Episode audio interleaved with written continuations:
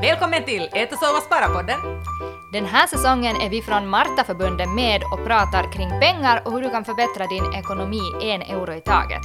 Nu kör vi! Välkommen tillbaka till Ät och sova spara-podden. Vi sitter i studion idag med Ida och Mia. Hej på er! Hej igen! Hejsan! Idag ska vi prata om det som behövs för att kunna köpa bostäder. Och det är ju, eftersom bostäder är mitt favorittalämne, eh, så är ju också även lån ett av mina favoritämnen. Och idag ska vi prata lite om vad är en skuld, vad är ränta, vad innebär det när man tar lån, vad ska man tänka på när man tar ett lån, vad kan vara sådana här röda flaggor att, att reagera på och så vidare. Hur är det Mia, jag eh, våra lyssnare vet lite om Ida och hennes lån, men hur är det med dig och lån? Hur ser du på lån Mia? Ja, no, jag ser ju kanske lån som ett, eh, eller för mig är det viktigt att känna att det där lånet hjälper mig att förbättra min ekonomi. Och det där, jag tänker själv i min privatekonomi dela ganska upp liksom lån i så här bra, dålig, bra lån och dåliga lån så att säga. Och det där, nu för tillfället så amorterar jag själv på ett studielån och sedan på ett bostadslån. Så det är de lånen som jag har. Så du har egentligen bra lån? Jag räknar dem från bra, bra lån och det där orsaken är helt enkelt den att det här studielånet förstås möjliggjorde det att jag har kunnat bli färdig, få en magisterexamen och därmed också få ett jobb och en högre lön än vad jag skulle ha haft utan den här utbildningen. Medan sen igen det här bostadslånet så, ja, jag hoppas ju på att jag gör vinst på min bostad. I något skede sen när jag säljer den och så, så att säga när jag amorterar på det här lånet så, så varje månad äger jag lite mer av min bostad, vilket betyder att mitt mål är ju det att när jag blir pensionär så har jag en skuldfri lägenhet. Och sen är båda lånen högst antagligen sådana som är från banken, vilket betyder att det är bra räntor ändå äh, jämfört med att det skulle vara från äh, något snabblån där räntorna skjuter i höjden. Så på alla sätt och vis har du bra lån. Ja, och sen också det att lånen är också stresstestade av banken. Att jag har tillsammans med banken diskuterat vad min betalningsförmåga är, tittat på mina utgifter och, och också tagit i beaktande att ifall räntorna skulle gå uppåt så, det där, så har jag också möjlighet att betala tillbaka mina lån. Men hur definierar vi ett lån då, hörni? Vad är ett lån i praktiken? Ja, no det är ju helt enkelt det att, att det är ju kanske få av oss som har så mycket pengar att vi helt enkelt kan gå med rena cash och köpa en lägenhet, utan vi behöver helt enkelt låna pengar för att kunna finansiera den här bostaden, eller vad vi nu sen kommer att då måste köpa. Och det här är helt enkelt att vi, vi lånar pengar av banken och så betalar vi ränta på det här, det vill säga den här kostnaden som banken vill ha för det att de lånar ut pengar åt dig. Ja, ränta är egentligen belöningen som den som lånar pengar åt dig får för att den sätter ut sina pengar åt dig och du får placera dem på det som du vill placera dem. Uh, så det är liksom tack för besvär. Yes. Det är ränta. Exakt. Och när det kommer till bostadslån så har vi ju referensräntor som, som vi hamnar i kontakt med. Det kan vara tre månaders Euribor, Euribor sex månaders Euribor eller tolv månaders, månaders Euribor och de här bestäms ju sen då av centralbanken. Och så har vi förstås den här marginalräntan som sen banken då bestämmer. Och, och vad heter det nu, det är ju den som vi kanske också är intresserade att konkurrensutsätta då när vi ansöker om ett lån. Så att det, där, det här är också viktigt att komma ihåg att, att den här marginalräntan så den fastställs ju förstås när du tar det här lånet, men kom ihåg att, att också hålla dig uppdaterad lite om att vad är ränteläge och, och kanske fråga kompisarna också att, att vad har de för marginaler på sina lån, för då har du också kanske en möjlighet att sedan då gå till banken och konkurrensutsätta och i synnerhet, sen vid senare tillfälle. Ja, och i synnerhet kanske då när man sitter kanske bara med ett lån, så säger jag att då kanske den här marginalen som banken då får som tack för besväret, så att säga, som banken lever på, då tycker jag kanske att det är viktigare också att hålla koll. Men sen vid det skedet som jag, som är bostadsinvesterare som har många lån, så där den där liksom 0,2 hit eller dit, 0,3 hit eller dit, det spelar inte så stor roll mera vid det skedet eftersom jag är redan då en annan sorts kund. Så här också att, att, att liksom själv utvärdera att, att va, hurdant lån ska du ha, hur många lån har du, och, och därifrån det läget sen då säga att vad vill du allt utsätta, konkurrent utsätta. Så det där. Så ja, jättebra point. Ja, och det här är ju som sagt så att, att fundera just på att hurdana, hur lån du behöver och sånt här, så det här är ju sånt som man också genom att diskutera med, med banktjänstemännen på din bank och, och på andra banker också, vi ska ju inte bara gå till det där första bästa alternativet utan, utan fråga lite att vad kostar det på andra håll också, så det där, det öppnar ganska ganska det där mycket upp för en så här, hur det här fungerar. Och det är också bästa sättet att faktiskt veta pengarnas värde så att säga. När du har ett låne, äh, en låneoffert så tar du med den till nästa bank och säger att hej kan ni komma emot eller kan ni ge bättre eller kan ni inte tävla med den här. Men ja, så lån är kanske någonting som vi alla kommer i något skede äh, under vårt liv att ha i någon form. Och ofta brukar här studielånet kanske vara det här första lånet som man kommer i kontakt med. Sen har vi också de här, vi pratade lite om det här med bra lån och dåliga lån. Vi har ju kanske nu pratat mer om de här bra lånen, de här som kanske vi kan, som vi kan använda för att förbättra vår ekonomi. Men sen då dåliga lån. Så dit så det där så skulle jag själv åtminstone räkna kanske då konsumtionskrediter, kreditkort, snabblån. Uh, vad, är det, vad är den här gemensamma faktorn för de här lånen? Den gemensamma faktorn är nog den att du ska nog läsa stilen ordentligt vad det står att hur mycket du betalar för de här lånen. För de där kostnaderna kan överraska när du faktiskt börjar räkna vad den egentliga årsräntan är. Ja, och sen också det helt enkelt att de här lånen så tar vi ju i syfte att konsumera helt enkelt. Där förbättrar vi inte vår ekonomi utan vi gör oss av med pengar. Och ska vi säga nu till exempel ett billån, så den här bilen kommer ju inte att öka i värde då när, du kör ut från bilaffären med den. Så då kan man fundera på det att, att okej, okay, förstås så kanske det här bil, billånet behövs för att, att, du behöver bilen för att kunna ta dig till ett jobb och kunna liksom få en lön. Men att man ska ändå utvärdera det här liksom, att är det här en vettig lösning för mig? Är det här någonting som förbättrar min situation? Att det där, då, då kan man också börja fundera på det att, att skulle man istället kanske kunna spara pengar än ta lån helt enkelt och betala de här räntorna då på, på de här lånen. Ja, och om det är så att man vet att man kommer att behöva ta någon form av, kanske då inte ett så jättebra lån, om vi säger som så, så fundera då att man åtminstone inte har flera av dem. Att bor du i periferin någonstans ute, ute längre ut så behöver du den där bilen. Det är fakta, det går inte någon lokaltrafik. Och då, då du, liksom, du kan inte liksom gå runt den där situationen då, utan då behöver du gå till banken eller till bilföretag eller någonstans för att få den där bilen köpt. Uh, men kanske du inte ska köpa då din soffa på, på, på kredit så att säga och, och alla möjliga andra saker, utan se till att du sparar till dem då uh, och, och har en balanserad ekonomi så att det där ena lånet som kommer till Uh, inte sen blir en snöbollseffekt så att du mitt i allt har tio krediter som du sitter och betalar på för att det var så lätt och behändigt. Och alltid just det här, alltså jag har ju sagt det i tidigare avsnitt här också, men jag älskar ju listor. Så jag menar alltid ha en lista på alla lån du har, hur mycket du amorterar på dem per månad, så att du faktiskt ser att hur stor är den där liksom, den där utgiften totalt varje månad som du lägger på lån. Och här ska man också komma ihåg att alla avbetalningar också, nu är ju avbetalningen på en telefon, det är också ett lån, så att lägga dem dit för att sen om du märker att plötsligt du, du äh, äh, avbetalar både på, på datorn och på mobiltelefonen och på din soffa och TVn, så alltså du kan komma upp i flera hundratals euro där i månaden som du lägger på att amortera. Så att det här, det här att igen ha den här helhetsbilden och framförallt att våga se den där helhetsbilden. Att inte gömma det där huvudet i busken och skuldsätta dig mer än vad du klarar av. Och just ha den där tankesättet att vad behöver jag och vad vill jag bara ha? Att, att där kommer, vi, kommer man ganska snabbt in i, i en ganska bra balansgång som, som det där lättar en. Har ni lån? Eller Ida, du har redan sagt att du har äh, studielån och bostadslån. Hur är det med Ida? Mm, ja. Har du, har du haft studielån? Nej. Nej. Men du har huslån? Jag har huslån. Du har huslån? Jeps. Precis. Och sen och måste jag, har, med, jag, skulle, jag, jag måste nog medge att jag har nog också lite räkningar som jag hamnar och betalar. Mm. Och det är ju nog något som är ganska vanligt. Jag vet att jag åtminstone som köper alla mina resor alltid på kreditkort och sen betalar man bort dem man efter. Och då är det ju inte på samma sätt ett dåligt lån för att då betalar du bort den direkt när den räkningen kommer.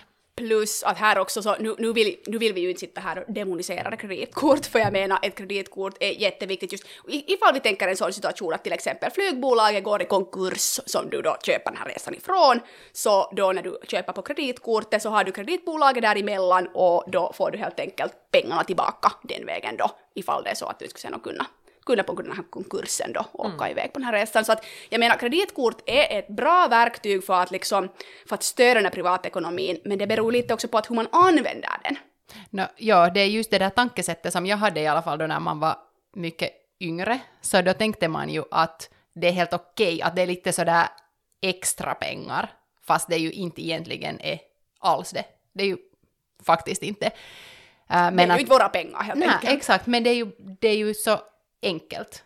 Mm. Ja, på alltså något jag vis, att man, att man, man, liksom, man faller i den där fällan. Ja. Och lite samma sak kommer det ju fram med de här snabblånen.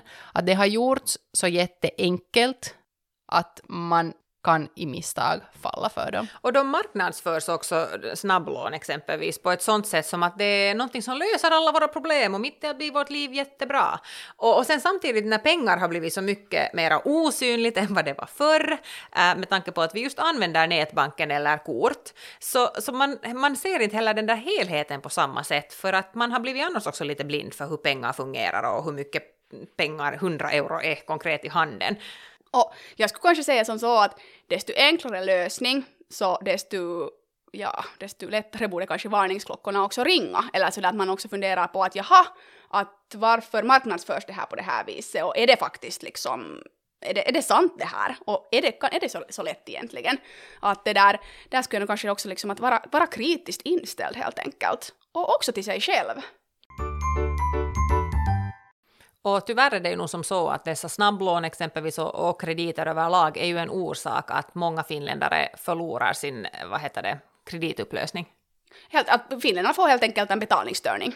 Just precis så heter det på och, svenska. och det här, jag vill ändå inflika här på de här snabblånen när vi pratar om dem, för det har ändå pratats ganska mycket om dem också i, i nyheter och medier och så här, att en ganska vanlig orsak till varför unga tar snabblån är ju det att, att det är inte för att de vill åka spontant på en resa, utan det är helt enkelt det att man märker att man inte har råd med sina räkningar och att man inte får den här vardagen att gå runt. Och då tar man till den här snabba lösningen, det här snabblånet. Så att det där att tänka också på det att det är inte liksom man, det, det här med snabblån så upplevs kanske av många att ja, men det är sån här som vet du vill leva i stunden och, och liksom förverkliga sig själva här och nu. Men det är inte det utan det är helt enkelt för att överleva för många. Och, och då måste man kanske börja gå tillbaka till den här grunden att varför har man kommit till den där situationen att man inte har då eh, finansiera sin vardag. Ja, och där händer också med de där snabblånen det att när du egentligen, om du inte har möjlighet att betala det där första snabblånet, så går du bara till följande ställe och söker det där snabblånet. Att de, så som med banken till exempel, så de beviljar inte mera lån åt dig om du inte har möjlighet att betala det där första bort. Så det är också viktigt att komma ihåg att man inte bara går i den där Spiralen. i spiralen och sen kommer den där snöbollseffekten när du bara liksom tar mera och mera och mera snabblån, för det finns så många olika som erbjuder av de här snabblånen. Ja. Och sen är det ju det att liksom, äh, många, många tycker att det är ganska skämmigt det här att om man har hamnat i ett sån här, liksom, en sån här snabblånsspiral, skuldspiral och det där, och då kan det vara hemskt svårt att be om hjälp. Och man kanske för, vill förtränga de här sakerna och gömmer de där fakturorna som kommer hem till en och liksom vill inte liksom inse hur allvarligt läget är. Och då ber man inte heller om hjälp och då blir de här problemen ännu större. Att någonting som jag vill uppmuntra till på, på föreläsningar jag håller också så här att desto tidigare du märker att du har utmaningar med din ekonomi så desto tidigare borde du be om hjälp och våga prata om de här sakerna. Att ifall det är så att du märker att du månad efter månad så överskrids din budget och du känner att du inte har råd att betala dina fakturor, du märker att du lånar pengar av familj och vänner och, och, du känner helt enkelt ångest över din konsumtion och att du börjar liksom handla mat på kredit. Så det här är liksom så här varningstecken, att då, då liksom borde man inte låta den här situationen gå alls längre, utan försöka ta till sådana åtgärder då för att förbättra sin ekonomi, så att man inte ska känna och ångest. det är viktiga saker att tänka på. Jag tror att många finländare vaknar kanske också nu under pandemin, just med tanke på att, att det kanske är överraskande händelser, och då är det nog bra att den där första lösningen inte är det där snabblånet, utan att man har en, har en buffert. Och, och exempelvis den här taloudellinen mielenrauha-undersökningen som görs um, av, av, jag tror det är Danske Bank som gör den, så där framkom det ju att 40 procent av finländarna mitt i coronapandemin uppgav att de har inte möjlighet att ta, ta tag i överraskande utgifter. Och, och där ser vi då att 40 procent sitter då egentligen i en sån situation och en sån sits att den där lätta snabba lösningen kan kännas som den enda utvägen om inte du har ett nätverk du kan vända dig till. Och det är många som saknar det där nätverket, så att då är det liksom, då är det just det här att vi borde få unga också att liksom inse att göra upp de där långsiktiga planerna i god tid så att man inte skulle hamna där. Men det är många gånger lättare sagt än gjort. No, men om vi säger så här nu då, att det är någon som sitter här nu och funderar på att jag vill ta mitt första lån och jag vill ta ett bra lån och jag tänker att jag vill gå från hyresbostad till att äga min bostad och köpa en aktiebostad. Så vad ska man tänka på, vad ska man göra? Vad är, vad är de där första stegen? Nå det helt första som vi nu inte kanske kommer att gå så mycket in på det här avsnittet är ju det att vi måste spara pengar därför. Men att om vi du förutsätter nu, vi, vi tar ett sånt läge att du har dina pengar sparade och du har en handpenning att, att använda till det här bostadsköpet, så då är första steget det att, att du kontaktar flera olika banker, boka tid dit för en lånediskussion helt enkelt. Och tanken med den här lånediskussionen är ju att, att du ska få en offert från den här banken där de då berättar vad de erbjuder och till vilket pris. Det vill säga att du då får, får vad heter det nu, lånevillkoren och, och sen då vad den här räntan på det här lånet skulle vara som du, du, du skulle betala på. Och fakta är ju det att banken ger ju olika erbjudanden åt olika personer. Och vad beror det på? Varför ska man vara förberedd då? Det stämmer. Uh, ska vi säga så här att om banken är relativt säker på det att du kommer att kunna betala ditt lån tillbaks helt utan problem, så är oftast marginalen lägre. Och marginalen är ofta också lägre ifall du är premiumkund och det kan också påverka marginalen att ifall du är medlem i ett, en fackorganisation, att det må, där, där gäller det alltid att, att också kolla med banken att har de något avtal med, med det här fackorganisationen för att, att, att du skulle som medlem kunna få en lägre marginal helt enkelt. Och medan sen igen, ifall det är på det viset att, att banken upplever kanske det mer riskfyllt att låna pengar till dig, så då är marginalen ofta kanske lite högre. Och marknadsläge påverkar ju också att det finns sådana marknadslägen då bankerna kanske inte är villiga att ge så mycket lån, att, att man upplever att det är mera riskfyllt, medan sen finns det sådana perioder då det kanske går bättre och, och de också är villiga att ge mera lån och då brukar marginalerna pressas neråt. Och det här är, är ju därför ganska viktigt just att vi också när vi har det där bostadslånet, att vi med jämna mellanrum eh, också kontaktar banken för att om, omförhandla vårt lån och den här marginalen, så att vi kan vara säkra på att vi inte betalar mera än vad vi vi så att säga skulle behöva. Och här hjälper det ju förstås också det att helt enkelt prata med sina bekanta och fråga lite att okej okay, men hej, att, att du, jag hörde att du var och det där förhandlade om bostadslån där förra månaden, att vad, vad gav de för marginal? Så det kan i många fall så liksom ge ganska guldvärdig information åt dig som konsument. Och sen får man vara beredd på att banken ställer en massa frågor. I vissa fall får du svara på blanketterna före du ens går dit och i vissa fall så går du igenom där. Och då vill banken veta vad du förtjänar, vad du har för utgifter, har du bil, åker du buss? Uh, har du familj? Har barn? du familj? Alla de här sakerna. Och de måste man ju ha på koll före man går in till banken. För att annars så kan du inte låneförhandla för du vet inte vad du har råd med. Nej, och som vi pratade här i tidigare avsnitt i budgetering så pratade vi ju om det här att budgeten är grunden för hela din ekonomi. Så jag menar, ifall du har en budget och du har en plan för din konsumtion så är det jättemycket lättare att gå in i den här lånediskussionen också och börja förhandla med banken. Och ger ju också kanske en bild av det att du har koll på läget. Precis. Och, det där, ähm, och man får ju ställa frågor i banken. Jag tycker det här är någonting som, som många, många glömmer. För att det är första gången du går till banken och låneförhandlar så allt är nytt. Äh, du, du behöver inte veta svar på någonting. Och personalen finns där för att, äh, bankens försäljare finns där för att berätta åt dig. Och, det där, äh, och för dem är det tyvärr så där att de, de låneförhandlar alltså hela sin arbetsdag ofta. Så för dem är, är de här begreppen helt vanliga, det är korvspad och det är vardagsmat.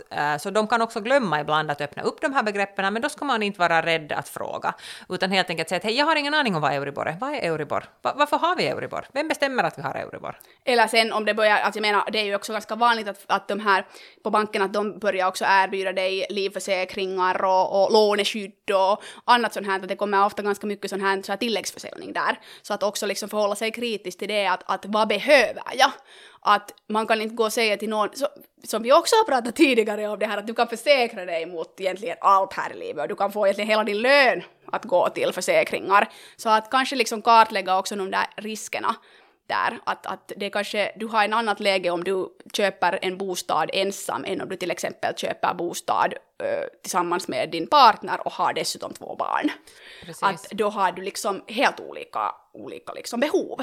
Och därför är det också viktigt att diskutera, diskutera genom de här behoven med bankpersonalen. Mm. Och, och därför brukar jag ofta säga äh, att bankens personal är försäljare och, det där, och gå in till det där mötet som ett försäljningsmöte. Äh, medveten och villig att fråga och ta emot den informationen du får. Och gå alltid hem och fundera på, det, på den offerten du får. Du, behöver du får inte, den svart på vitt alltid. Du får den svart på vitt, ja, så du behöver inte bestämma dig där och sen är det ju det att liksom det där första mötet med banken, den första banken du går till för att förhandla till, så, så det där mötet är ju jättepirrigt och liksom man är lite nervös och hur ska det här nu gå? Men sen liksom desto fler du har pratat med så det blir ju liksom en rutin i det där ändå. Och sen när du har de där, de där offerterna framför dig så är det betydligt lättare sen att jämföra också. Och våga också njuta av den där processen när du är och köper din första bostad eller ditt första hem. Uh, spring inte, rusa inte igenom den. Det är också en, en unik situation som, som det där kommer och, och våra hem är ändå det dyraste vi egentligen äger uh, och sätter pengar på, så det är värt att, att det där, fira också vad du lär dig och, och den processen du går igenom. Ja, sen också kanske det att vara också förutseende här, att jag menar att eh, äh, gå dit till liksom, att genast när du börjar gå i de här tankarna att okej, okay, att nu, nu, nu skulle du vara färdig och börja liksom fundera på den här egna bostaden eller liksom då hugga till och, och betala för den och köpa den, så det där så att, att du inte springer dit när du har hittat den här drömbostaden på Oikotie liksom och det är liksom bråttom och du måste få den nu genast liksom, utan att du i god tid innan du börjar titta på de här bostäderna den har lite förhandlat med banken så att du vet att hur mycket lån skulle du kunna få och liksom att du har ett, liksom, ett lånelöfte innan du börjar titta på de här bostäderna. Men något som man inte kan lämna osnackat när man pratar om lån är nog betalningssvårigheter och situationer där du inte har möjlighet att betala tillbaka det här lånet. Vad händer då? Vad ska man tänka på? Ja, no, nu är det ju, det skulle, vi kan ju gå igenom kanske den här processen, att hur det går. Vi, vi, kan ta till exempel en helt basic telefonräkning som exempel här. Uh, det tänker oss en sån situation att du har fått en 20 euros telefonräkning och, och vad heter det nu, du märker att du inte kan betala tillbaka den. Och, och det där, det går två veckor så kommer det här företaget att skicka en påminnelsefaktura till dig. Och kom alltid ihåg att de här påminnelsefakturorna så de kostar extra pengar. Det kostar 5 euro oftast när ett företag skickar en sådan.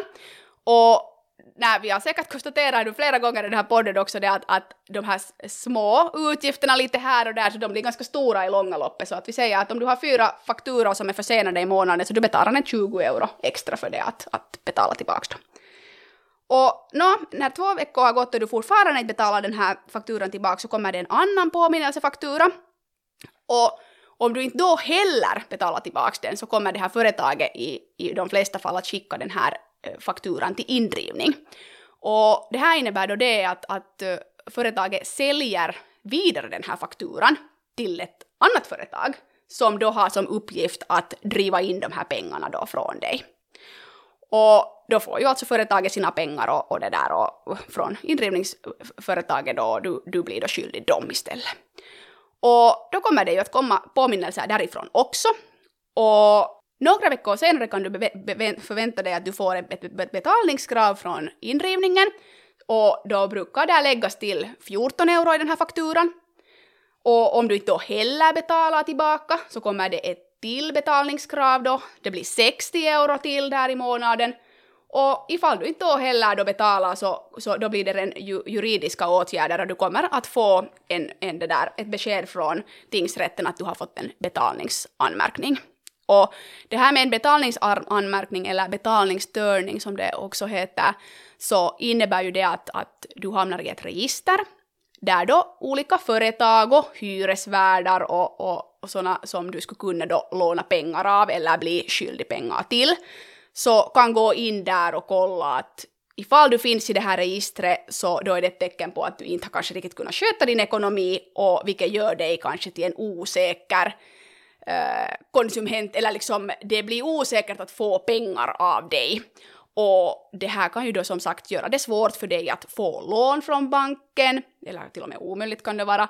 Du kanske blir av med ditt eh, kreditdebitkort, det kan bli svårt att teckna försäkringar, det kan bli svårt att få en hyresbostad, teckna, eh, eller ingå ett, ett telefonavtal.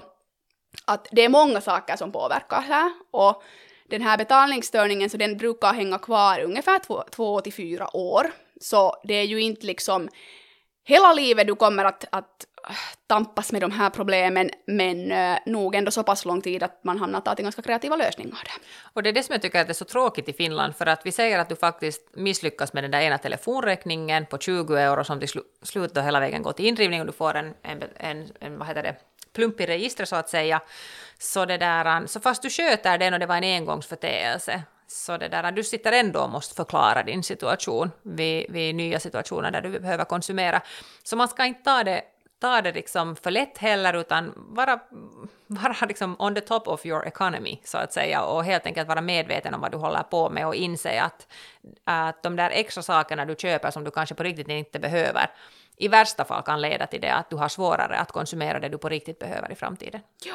Och sen det att, att, ska vi säga att ifall det är som så att du märker att du har svårigheter att betala dina vardagliga utgifter, så nu en sak som man alltid betalar först, så det är det där egna boende. Att ifall du hamnar i det här registret på grund av obetalda hyror, så det kan se jätteilla ut. Liksom. Så att, att det, det finns hyresvärdar nu som kan vara helt okej okay med det att du har en betalningsstörning om den har uppkommit till exempel på grund av en telefonräkning. Men om det finns i registret en betalningsstörning som har uppkommit på grund av obetalda hyror, så, så det är nog en röd flagga för många hyresvärdar och det kan vara svårt och nästan omöjligt att få en hyreslägenhet som hyresvärd själv så, det där, så vill jag nog säga att, att det, det, är inte, det är inte farligt om du misslyckas i ditt liv och, och det sker så här, om du kan förklara, om det faktiskt finns en, finns en orsak till det, du har blivit arbetslös, sjuk, vet du vad som helst. Men är det, är det sån här konsumtion som bara eh, är huvudlös, hur ska jag säga, så är det mycket svårare att sitta och förklara varför en hyresvärd ska hyra ut sin bostad åt dig, om det inte finns liksom någon ordentlig förklaring. Eh, att själv så brukar jag säga åt, åt våra hyresgäster som har betalningsanmärkningar att har du en förklaring så är det helt okej. Okay.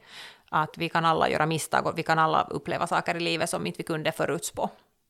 Det handlar ju om kommunikation också helt enkelt och det att man liksom kanske inser sina misstag. Att det där, ingen av oss är ju perfekt inte. Nej. Och just att man strävar till att göra bättre. Och, då handlar det ju just om att göra den där grunden igen. Då kommer vi tillbaka till budgeten och, och, och där igen titta att, att vad gick det snett och, och vad kan jag ändra?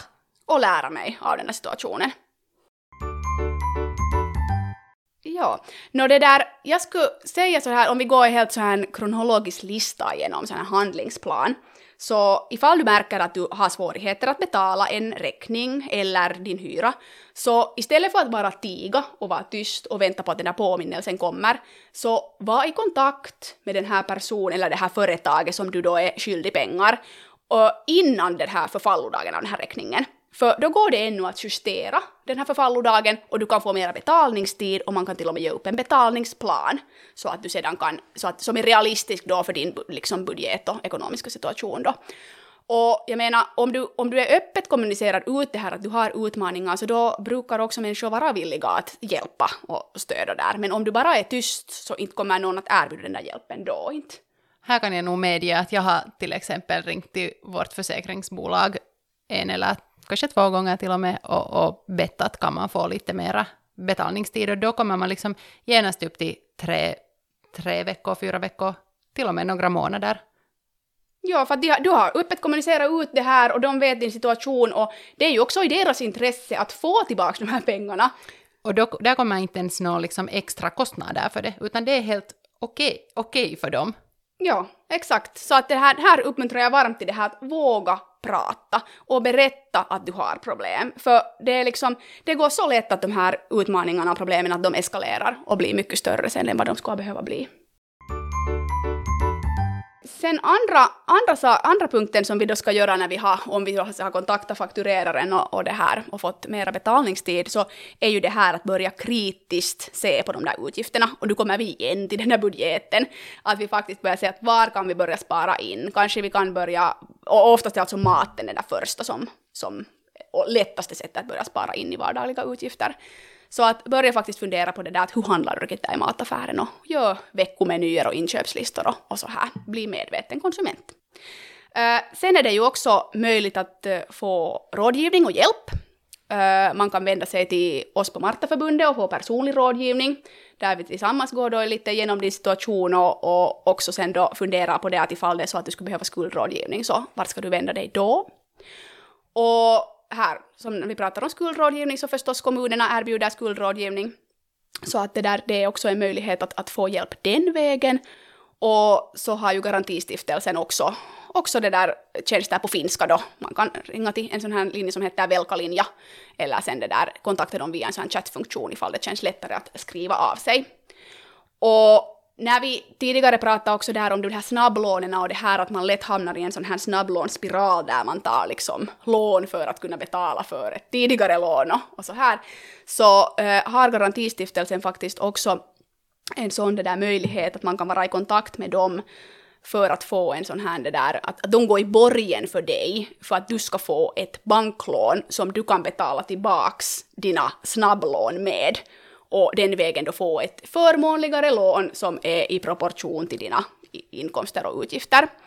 Och det här är ju det där kravet för att du, du ska kunna gå med i det här och få, få, att få då garantistiftelsen gå i borgen för ditt lån så, så är, är den att du har en, en inkomst, fast inkomst och att det faktiskt är realistiskt möjligt för dig att betala tillbaka det här lånet och att du så att säga har tagit till åtgärder för att börja aktivt förbättra på din ekonomi.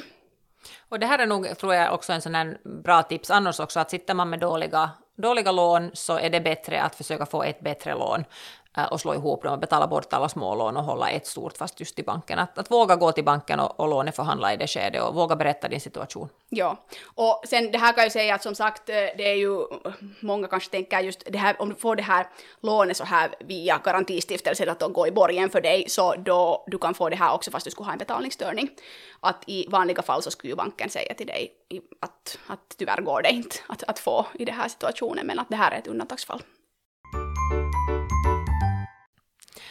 Jag skulle säga att det här avsnittet innehåller en hel massa fakta om lån och jag hoppas att ni som lyssnar inte känner nu att lån är skrämmande eller någonting farligt, för det finns mycket bra saker i lån som vi tog upp där i början och fast det kanske sen då diskussionen får mera mot att hur du hur du liksom räddar en, en, en, dålig ekonomi. Men det behöver aldrig heller gå åt det hållet. Så, så våga, våga se den där möjligheten också som kommer med bra lån. Äh, våga drömma om ditt eget hem och, och, och sådana bra lösningar. Men, men var uppvaktsam för åt vilket håll du för och, och de besluten du tar och de du gör. Absolut, och, och jag menar, det är inte som sagt, det är inte farligt att ta lån och vi kommer högst antagligen alla i något skede att måste göra det. Uh, huvudsaken är helt enkelt det att vi vet varför vi tar de där lånen, att vi vet att vi kan betala tillbaka dem och, och liksom att vi funderar också på kostnaden som uppstår kring de här lånen. Hej, tack för oss och hoppas ni lyssnar också nästa vecka. Hej då! Hej hej!